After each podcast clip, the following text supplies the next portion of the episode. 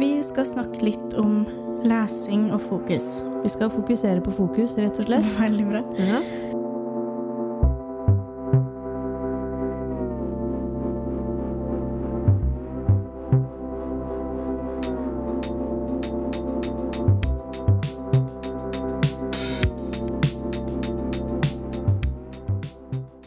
Veldig mange jeg har snakka med som snakker om at Mm. de leser mindre nå enn før. Det er et generelt uh, kan nesten velge å kalle det folkehelseproblem.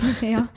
Folk sliter med å holde fokus både Mm. på lesing og skriving, Mm. og når Ting som er viktig. Mm, Ja. når ting ikke blir servert uh, kjapt, Mm. så er det vanskelig. Og mye Mm. vanskeligere nå enn det var for kanskje 20 år siden. Ja. Og- hvorfor det? Ja, jeg var ikke helt klar for det. Og hvorfor det? Det kan vi spørre oss. Det kan vi undre oss over. Eh, Det er mange eh, svar på det. Um, nei, jeg snakka litt med tanta mi, som Mm. er Hva heter hun? språklærer. Guri. Hei, Tante tante Guri. Guri. Og hun snak er jo språklærer på videregående Mm. og sier at hennes elever leser mindre og mindre. Mm. Og så var jeg jo i bryllupet for et par uker siden og satt Mhm. sammen med en annen videregående-lærer som fortalte at han eh, i tredje klasse videregående hadde fått elevene sine til å lese Erlend Loe. Mm. Og faktisk en del av elevene Det var ikke alle som klarte å komme seg gjennom, nesten. Oi, oi, Og det- oi, og det er jo eh, Det Mhm. er jo Og det er jo klart, det er jo ikke alle som Det er jo aldri alle som er glad i å lese. Nei, nei. Men uh, han også som språklærer ser en tendens til at de leser veldig lite. Generelt Og da er det jo det et, mindre. et slags um, håndverk eller en, en um, slags uh, kunst som man aldri lærer seg. mm, At man uh, ikke klarer å holde det fokuset. Ja. Og det er sikkert mange grunner, tror jeg. Men jeg tipper at jeg vet hva den største grunnen er. Hva tror du? Mobiltelefon. Ja, eh, det tror jeg òg. Ja. Jeg skal jo snakke litt om den boka til Johan Hari som heter 'Stolen Focus', eller 'Stjålet fokus'. Men aller først så vil jeg spørre deg, da. Mm. Hvordan er ditt forhold til lesing nå? Eh, mitt forhold til lesing vil jeg si har tatt seg opp. Fordi jeg har tatt et bevisst valg rundt det. Mm. For det var eh, en stund der, noen år kanskje, hvor jeg merket at jeg leste mindre og mindre. Og for meg er lesing og skriving så tett forbundet, så når jeg leser mer, så skriver jeg mer. Ja. Og så Ja, jeg leste mindre og mindre, var mer og mer på mobilen. Mm. Og fikk mer og mer vondt i hodet. ja. Ble mindre og mindre inspirert. Mm. Eh, og jeg merker at eh, når jeg klarer å legge bort mobilen for å lese, så har jeg det mye bedre også. Og Da er jeg roligere.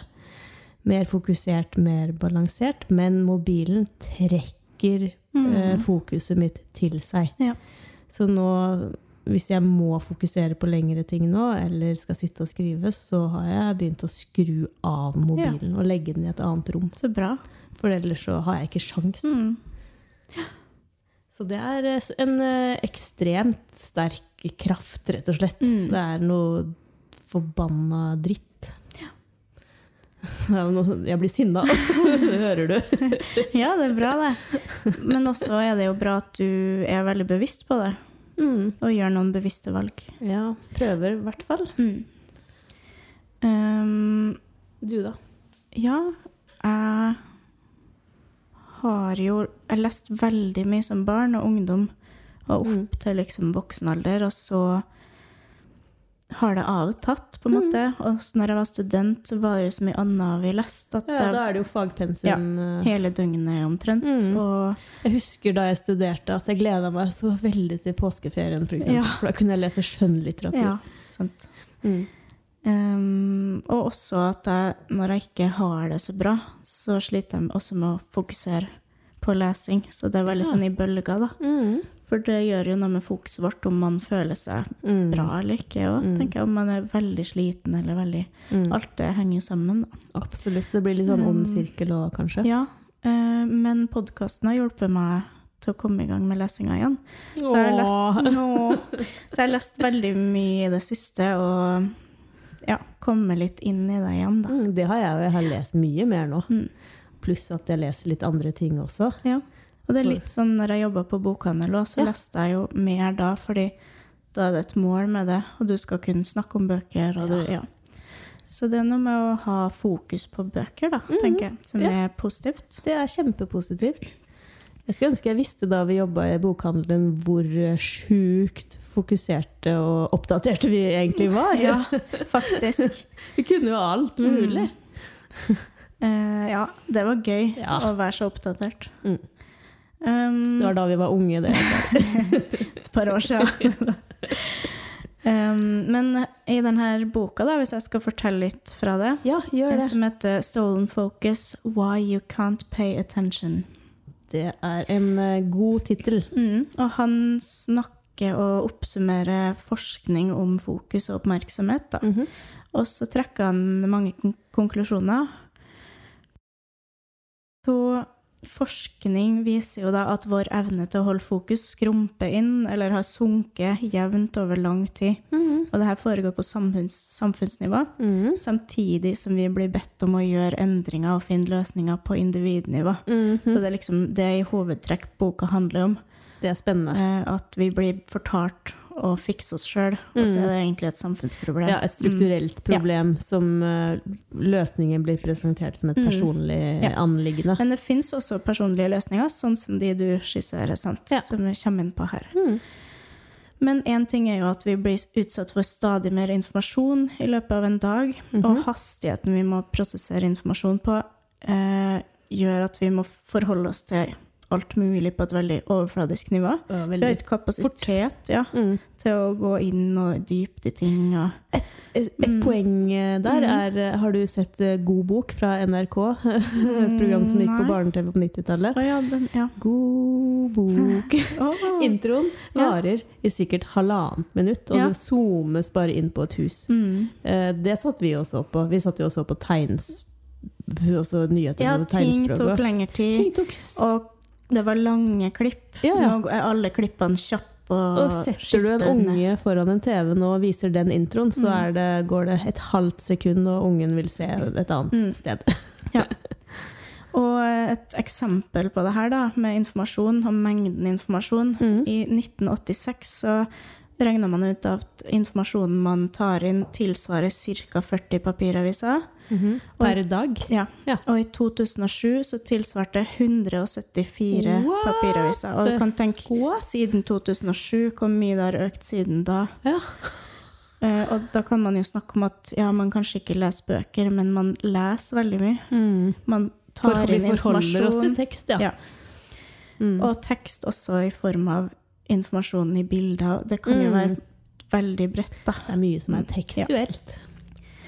Um, så en motpol til det her er jo å bedrive aktiviteter og øvelser som fokuserer på å være til stede og gjøre ting sakte og med Mm. intensjon. F.eks. yoga, mindfulness, tai chi og sånn. Mm. Så det hjelper oss å trene opp fokus og trene opp den muskelen, da. Mm. Mm. Fokusmuskelen. Forhold Eller hjernen, som det kalles. ja, men det henger sikkert sammen med mange ting. Kanskje Ja. nervesystemet, og Mm. kanskje Jeg tipper det er mange ting som påvirker hverandre. Ja. Mm. Så i forhold til lesing eh, Mange av oss blir jo veldig forstyrra av det her påkobla samfunnet, sånn som Mhm. du nevner, da. Mm. Jeg har funnet ut at når vi leser noe på skjerm, Mm. så leser vi på en helt annen måte enn med bøker. Oi, hvordan da? Eh, når man leser på skjerm, så hopper man med rundt, skanner og velger Mm. ut ting. Mm. Så vi mister den her lineære Mm. Den øyebevegelsen som går Mm. fra side til Ja. side. Det er mer sånn eh, effektiv plukke ut data, på en måte. Yes. Ja. Eh, og ved at vi da leser mindre, så får vi heller ikke opptrent en stamina til å lese utfordrende tekster og mer komplekse tekster. Da. Utholdenhet er jo Ja. som, som um, kondis. Ja. Det må øves opp. Det tenker jeg. Mm. Og et annet viktig poeng med lesing og lese fiksjon, som vi snakka om her om dagen, Mm. er det her med at det er en måte å trene opp empati på. Mhm. Man trener opp empati for andre mennesker og andre perspektiver. Mm. Og du simulerer på en måte hvordan det er å være et annet menneske, da. Mm. Det er ja, litt det er, kult. Mm. det er dritinteressant, og et utrolig viktig poeng. Så forskere antyder at jo mer et barn leser eller blir lest for, Mm. historier og fiksjon, da, jo bedre blir barnet på å gjenkjenne og lese andre sine emosjoner og uttrykk. Ja, ja, det gir jo fullstendig Mm. mening, det. Så litt det der, selv om du leser for barnet ditt ehm, Og barnet det- ikke leser Og selv. ikke leser når det blir voksent selv, så har det jo fått med seg veldig mye viktig da, gjennom den aktiviteten. Det sa du til meg, det var trøstende ord. Ja, og det er nok mange som kan kjenne seg igjen i, tenker jeg. ja. Mm. Et annet kapittel som påvirker oppmerksomheten vår eh, fra boka, det er jo søvn. Mm. Jeg skal ikke si så mye om det, for det er veldig mye som er selvsagt, da, men det påvirker jo langtidshukommelsen vår. Og hvis du får for lite søvn over tid, eller uansett egentlig, så er, oppfatter kroppen det som at det er en krise eller en nødsituasjon. Mm. Um, og vi er jo programmert til å kan gå uten søvn, f.eks. eksempel når du har en nyfødt baby, når det er um, en naturkatastrofe, uansett hva det er. Vi klarer å holde oss våken. Eller vi ble jagd av en løve på savannen. Og da trenger vi egenskapen med å klare å holde oss våken. Men da switcher kroppen over i en beredskapsmodus. Mm. Sånn at det er andre, det er ting, som, ja, andre ting som kroppen prioriterer å bruke energi på, osv. Så, videre. Mm. så da er du i konstant beredskap hvis du ikke får nok søvn. Og det påvirker hjernekapasitet. da. Og da er du ikke i stand til å være leseutholdende heller. Det tenker jeg, og det sier han en del om. Mm. Um, Ja, det er spennende. Jeg skal lese den boka. Og nå er det jo veldig kort oppsummert her, men jeg skal gå litt dypere inn i et par kapittel her nå. Mm. ene er jo, Nå har vi snakka litt om oppmerksomhet, men vi kan jo definere hva det er. Hva er oppmerksomhet, Kari? Ja, skal vi se om jeg klarer å fortelle det. Du tell. Han snakker om særlig to typer. Um, Spotlight-fokus, Mhm. som er veldig smalt, spesifikt, sånn at du fokuserer på én oppgave. Ja. Sånn som lesing eller et prosjekt, eller du dykker inn i noe. Mhm. Um, og det er det her vi ofte tenker på når vi snakker om fokus. Ja. Og vi snakker om hvis vi blir distrahert, så er det at vi mister spotlight-fokuset. ja. Type oppmerksomhet. Mm. En annen bruk av hjernen da, er det som man kaller mind wandering. Ja. Altså at man lar tankene vandre fritt. ja Og det her er coping. veldig Ja, det vil ikke jeg si. Nei. Eh, For før så tenkte man jo at hjernen var i pausemodus Mm. når vi ikke fokuserte på ting. Mhm. Når vi sov, når vi ikke tenkte på noe spesifikt, så var liksom hjernen bare Mm. La-la-la. Ja. Så for meg litt sånn. Mhm. Eh, I'm Men, wondering about. ja. men når forskerne begynte å ta i bruk sånn hjerneskanning, Ja. så så de jo at det skjedde masse. Eh, Det var bare at det skjedde i andre deler av hjernen enn under spotlight-fokus. Ah, det er dypere jobbing. Ja, og det skjer på masse områder samtidig. Og... Så når man lar tankene vandre fritt, så jobber hjernen på en annen måte, på et annet nivå. Da. Mhm. Eh, og denne, denne tilstanden som er gull for å få fram kreative ja, ting. ja, ja, ja, ja. Det har jeg hørt om. Ja, sånn at uh, da kobles nye tanker sammen. Mm. Tanker du har hatt før, sånn, så kommer du på ting som henger sammen. Og Mm. det er der du løser mye problemer og sånn. Uh, så for eksempel, når du leser en bok, så har du delvis spotlight-fokus. Du leser ordene, Mm. du prøver å forstå meninga, sette sammen setningene. Du er veldig fokusert på det du gjør. Mhm.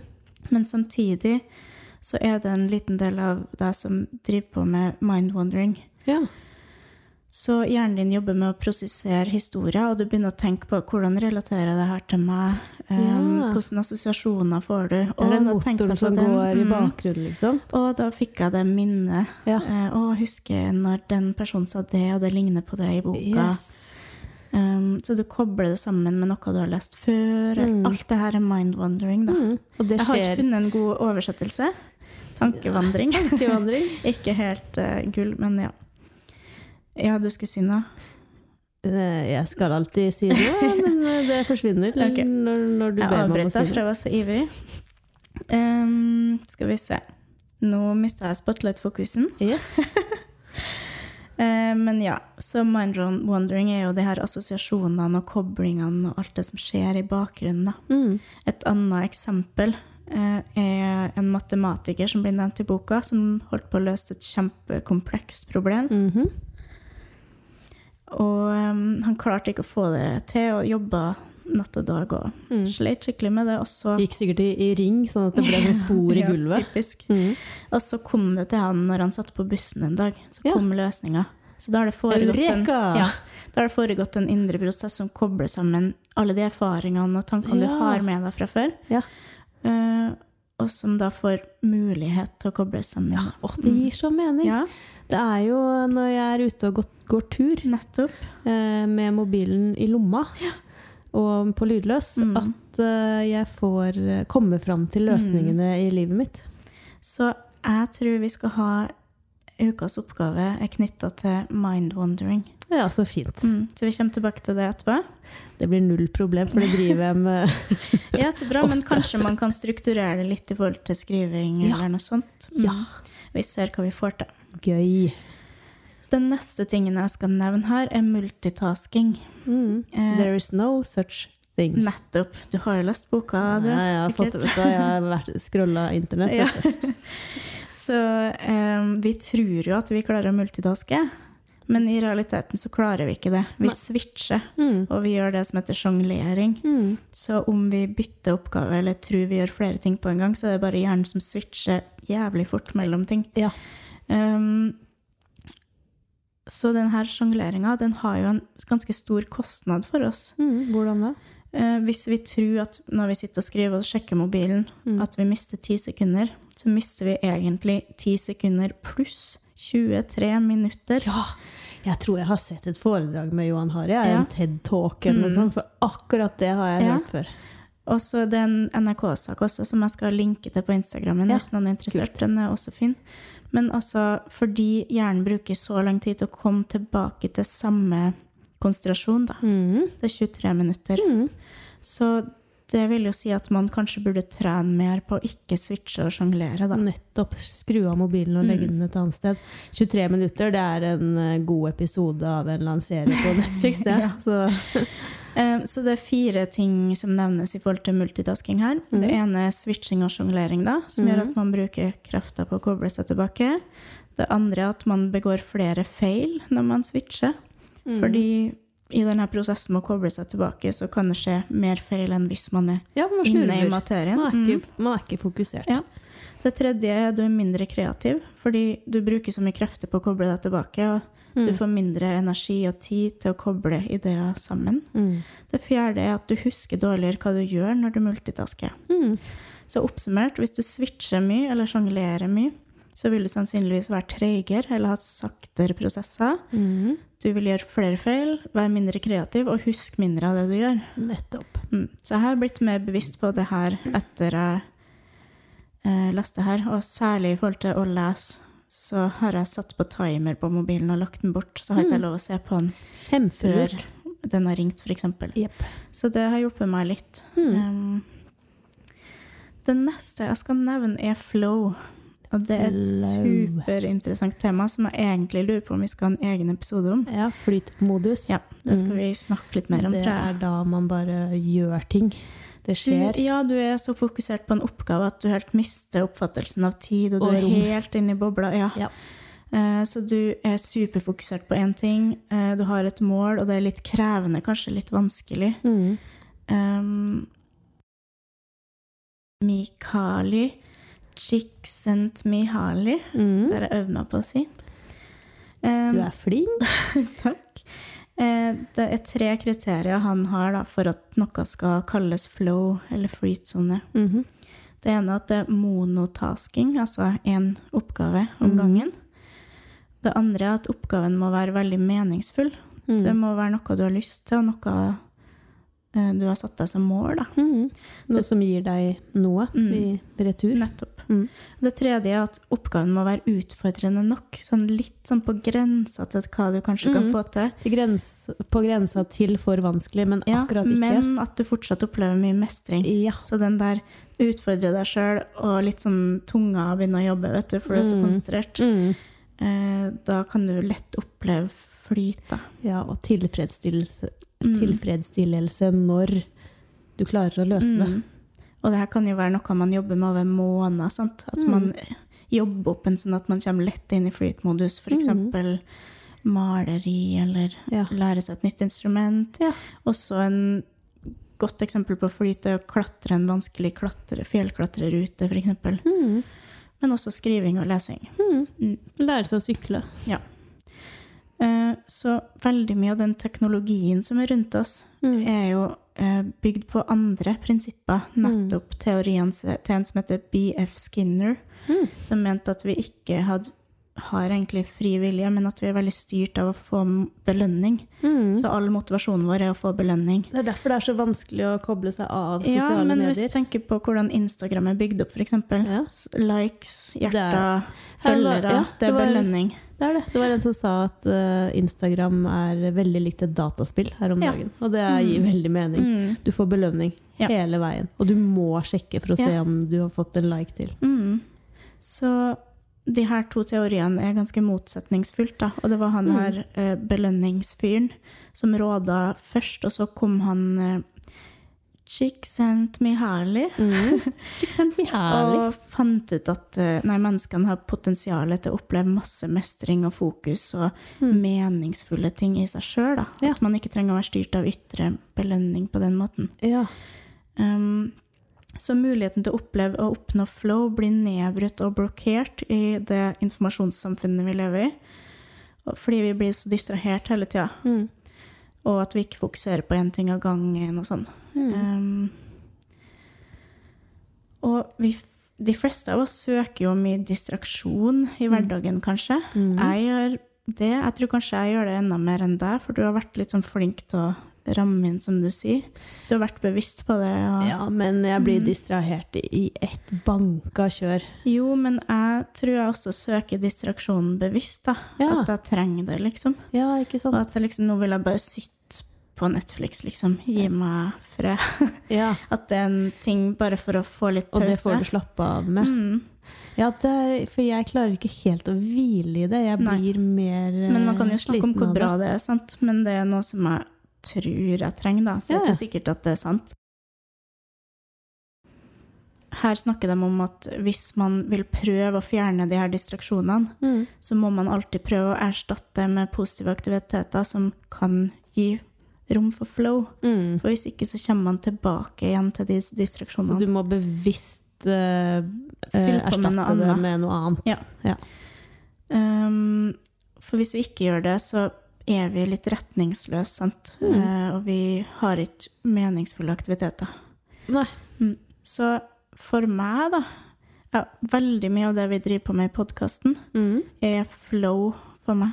Å, så flott. Ja, det er veldig fint. Ja. Eh, alt fra å jobbe med det liksom PR i hermetegn-aspektet, lek med de bildeappene, prøve å lage kule bilder og tekster og sånn. Ja, det har, jeg har blitt inspirert, for Ja. jeg har begynt å finne ut av uh, uh, min egen mobiltelefon. Du har kjøpt deg en ny fancy telefon, og så holder du på å finne ut av bildefunksjon og sånn. Bildefunksjon. Mm. Ja, og sånt. Anyways. Mm.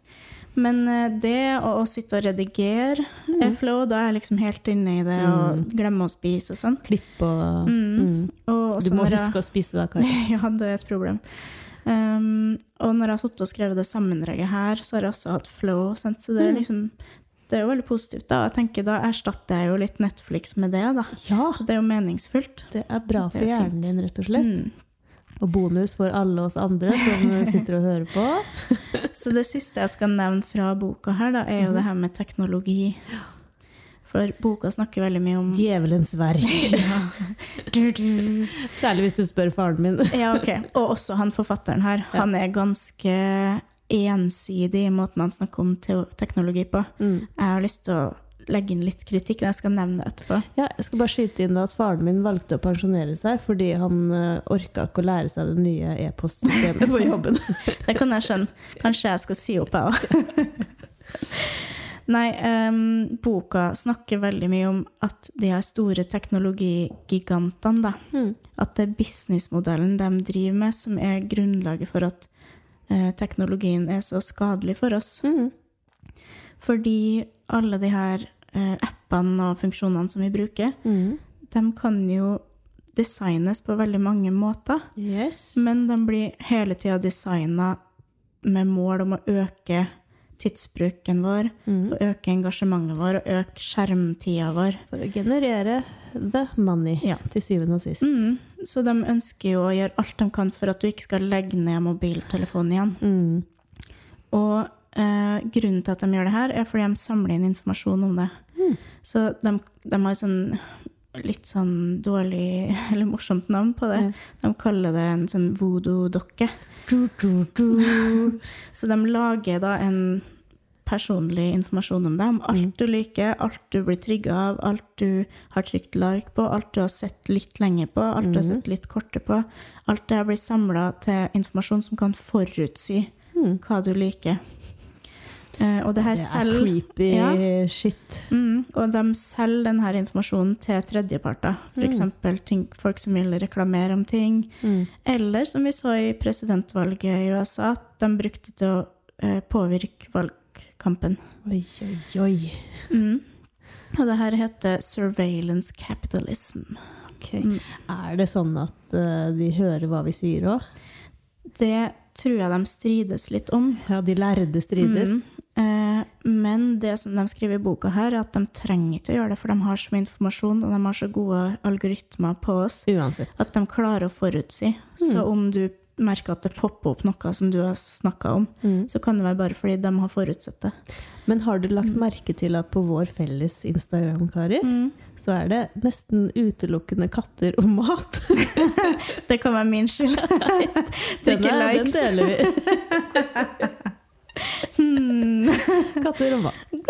Der har du oss. Ja, fordi på Instagrammen vår så har du Når du blar, så får du følgere og sånn, og så Mm. etter et visst punkt så kommer det sånn anbefalte. Yes. Og da er katter og ost. Det er mye ost bøker sånn. òg, da. Men eh, katt, ost Mye smelta ost, vil jeg si. ja, Ja, men det er ikke det verste som de kunne forutsett, tenker jeg det er spot on. Men um, et skrekkeksempel på det her bruken av algoritmer og hvordan de bruker det til å generere Mm. skjermtid, da, Mhm. er jo YouTube, som er kjent for å radikalisere folk. Og det er jo kjent kunnskap Ah, shit, som veldig mange snakker om og vet. Og, Alle incels-dudene der ute. så algoritmen funker sånn at når du har sett en video, så kommer det opp anbefalinger på nye videoer. Mm. Og da er det sånn at de ofte anbefaler drøyere og Oi, shit, shit, det er uh, rabbit hole. Mm. Eller kaninhull. Ja, det funker ikke like bra på norsk. Down the rabbit hole. Yes. Um, og denne algoritmen, den kan lett skrives om, mm. men det velger de å ikke gjøre, fordi den funker så godt til å holde folk på skjermen. Mm. Så de i stedet for å ta etiske og moralske valg med å slutte å være med bidra til å radikalisere folk, Mhm. så velger de å beholde det. Og algoritmen er jo ikke noe sånn, den ønsker jo ikke å radikalisere folk, den bare velger det som funker best for å holde folk på skjermen. Mm. Men Men det er, en, bak. ja, det er en bivirkning, da. så der er det ikke snakk om eh, et fokus som forsvinner, der er det snakk om et hyperfokus i, i feil retning, da. Um, jeg tror grunnen til at det her blir tatt opp, er jo for å vise um, motivasjonen bak algoritmene og bedriftene som er med å distrahere oss. Mm. Mm. Fuck. Ja. Uh, så når du tar et komplekst samfunnsproblem og tilbyr simple individuelle løsninger Mhm. Det her skjer jo hele tida, Mm. enten det handler om fedme, sånn som det Else Kåss Furuseth-showet. Hun Mm. prøver jo å nå på samfunnsnivå og snakke Mm. med politikere og sånn, og så er det liksom tilbake til individet igjen. sant? Yes. Ikke fra henne, men fra samfunnet rundt. Ja. Um, klima, der er det også snakk om at vi skal resirkulere papp, liksom. Det er jo ikke det som er problemet. Og plastikk. Mm, økonomi, helse, alt, oppmerksomhet. Sant? Alt blir, kommer med sånne Strukturelle enkle problemer for personlige løsninger. mm. Et eksempel på det er jo Amazon. Det er jo et kjent eksempel. De har jo Mm. vanvittig syke arbeidskrav. Mm. Eh, du har veldig mye du skal rekke i løpet av en dag. Mm. Og du får ikke tid til å gå på do engang, så det er rapportert at de ansatte tisser på flasker, og det er helt sånn sjuke arbeidsvilkår. Ja. Eh, det Amazon gjorde, da, Mm. var jo å lage et eh, mindfulness-rom. Ja. Det er jo så sjukt.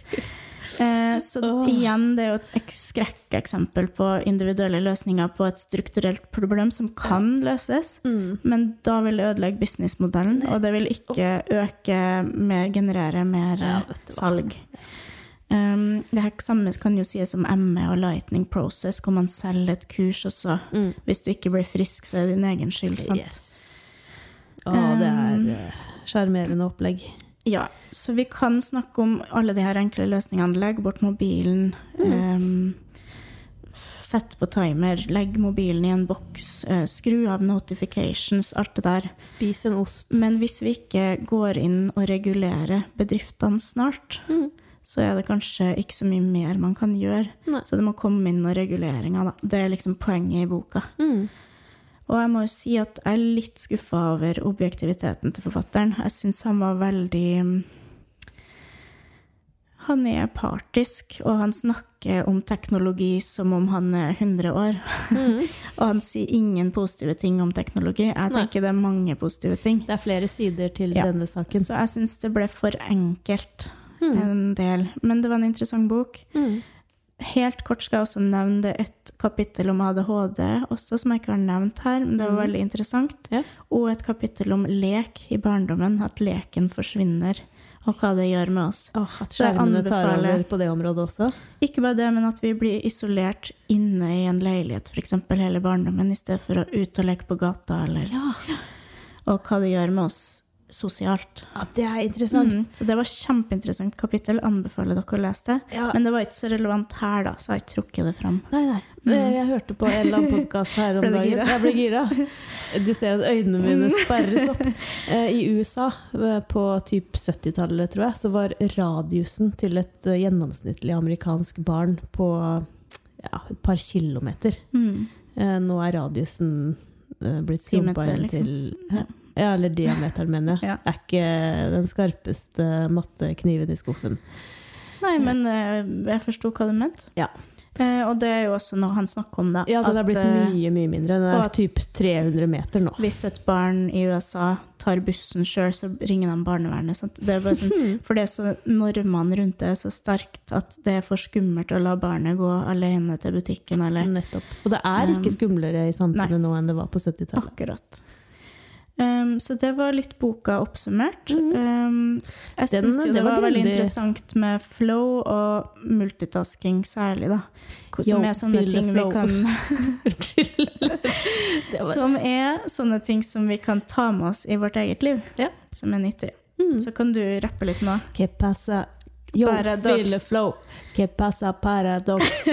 Ente, Ente, adelente. You know it never stops. Assosiasjonsleken. Det var det. Så min tanke Mm. er om vi skal ta med oss det her som oppgave til neste gang. Ukas oppgave. Mm, om det skal være typ mind-wandering, sette av ti minutter til det, Mm. og også være bevisst på å ikke alltid høre på musikk, ikke alltid sette på podkast i alle Mm. mulige pauser. Liksom ha noen pauser hvor du ikke gjør noen ting. Ti minutter hver dag ish. For eksempel. Ja, det syns jeg vi skal gå for. Mm, Det er også veldig lurt hvis du har planer om å sette deg ned og skrive. Mm. Skru av mobilen eller legg bort mobilen. Bedriv mind-wandering i 10 minutter, 20 minutter før du setter deg ned. ja, for det var det jeg lurte på. Mm. Var det lurt å gjøre det før, eller skulle du tatt en pause midt i Det kan man jo diskutere, men jeg Mm. tenker hvis, eh, hvis jeg skal skrive, Mm. eh, så er det veldig lurt at jeg gjør det før. Mm. Og så kan jeg alltids ta en pause midt i, men eh, det er eh, kjempelurt å være i sitt eget hode med sine egne tanker, Mm. eh, fordi da får man tømt hodet litt. Og jeg tenker at det skiller seg jo litt fra mindfulness, selv om det har noen like elementer, kanskje. Men Det det her med at du bare blir med på tankerekka, og, Du, du hopper på tanketoget. ja, og at du Ja, uante veier med tanke Mm. ja, I stedet for å bare At det var en tanke, og så legge bort den, Mm. liksom. Bli Mm. med på tankene. Mm. Se hvor de Bli med på tankekjøret. Ja. Men det skal jo også sies her, da, vi som jobber i, med psykisk helse og sånn, det er jo ikke alltid man skal sette seg ned og mind-wondere. Nei, nei, nei. nei, Hvis du har mye PTSD-symptomer eller angst eller sånne ting, så kan jo det være ganske kjipt og vanskelig. Så Mm. kanskje man trenger en distraksjon. Ja. Så du må vurdere sjøl, da. Mm. Den tilliten har vi til dere, Ja. kjære Men Sika-folket. det er noe med at det er ikke alltid i livet det passer, da. Nei Mm. da. Og det er ikke alt som passer for alle. Nei. Men dette passer utmerket for oss. Men da sier vi ti minutter Hver dag. hver dag uten å bare stirre litt i lufta og Ja. sitte i bobla. Sitte i bobla. Rett og slett. Da må vi kjøpe oss en sånn boble, da. Ja, sånn folkevannboble, eller hva? Å ja, jeg tenkte på en oppblåsbar boble. Ja, som man ruller inni. inni. Mm, det må vi kjøpe. ja. Greit, Ok. det var det. Ja.